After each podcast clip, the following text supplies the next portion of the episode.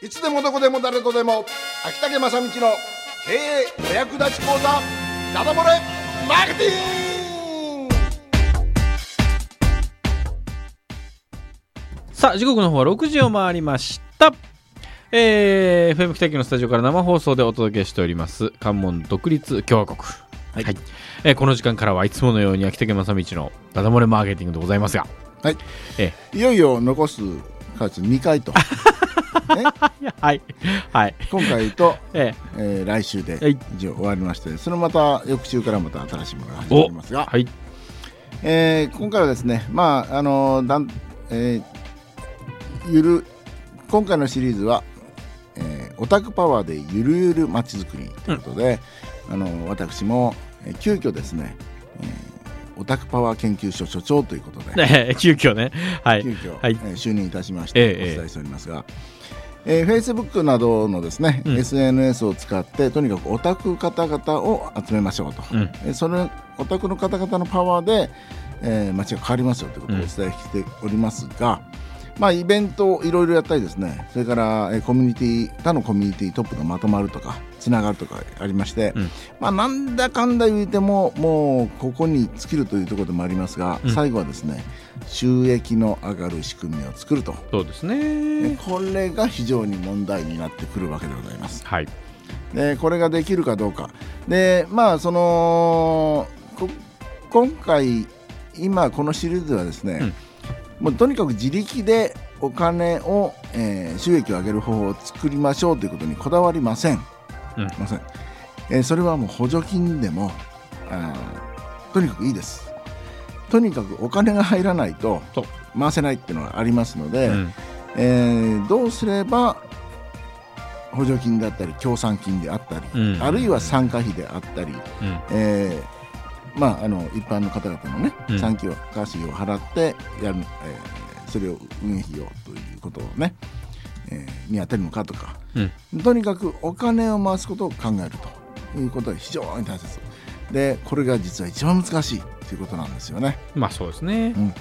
で何しろ、まあ、補助金とはいえ行政がえー応援してくださるのは、えー補助金とそれから動員と、うん。えー広報ですね、うん告知ですね。ははい。いお金と、うん。えー運営型の人とそれからお客さんをたくさん集めてもらうと。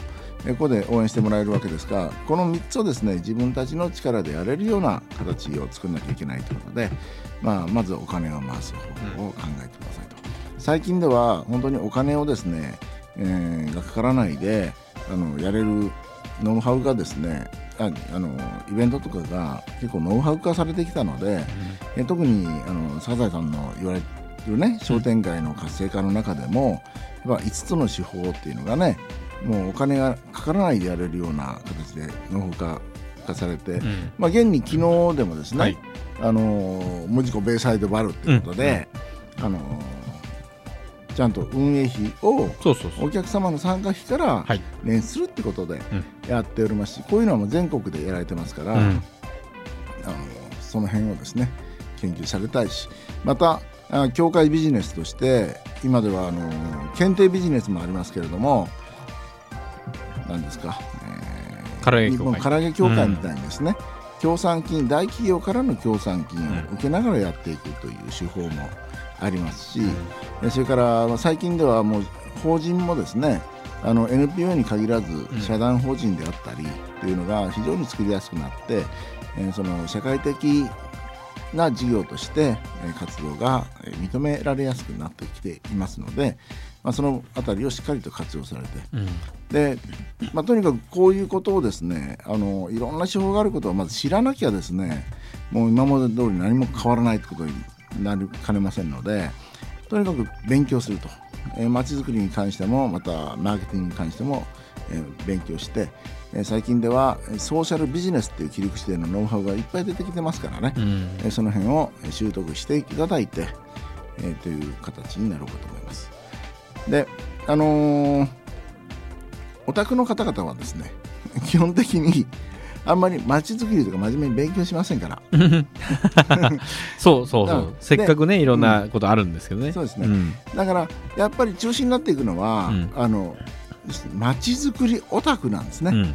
このまちづくりオタクの方々が、えーいろんな面でノウハウ面が進化しなければいつまでたってもせっかくいいメンバーが集まってきてもうまく活用できないということうになんります、うんだから勉強すべきはまちづくりオタクの方々、えこれがですね、えーぜひぜひもう、えー50歳になろうが60歳になろうが70歳になろうがいつまでも貪欲にですね、うん。しっかりと、えーいろんな全国のやり方を学んでいくと。またそういう工夫をこなしていくということが大切だろうと思います、うん。まあ、そういうことでねあのオタクをしっかりと活用してもらいたい今日は非常に、えー簡単ではございます。いやいいんですか？それで、はいええいいです。はい かりました、はい、ということで、えー今日の話はですね、うん。えーオタクパワーでゆるゆるまちづくり、えー最終回からの前の回でございますが、えー収益の上がる仕組みを作ろうということでございました。はい。ということでございまして、はい。ぜひぜひ皆さんでね、えーまあ、自立できる自活もしくは、うん。えーその存続可能な、うん。うん。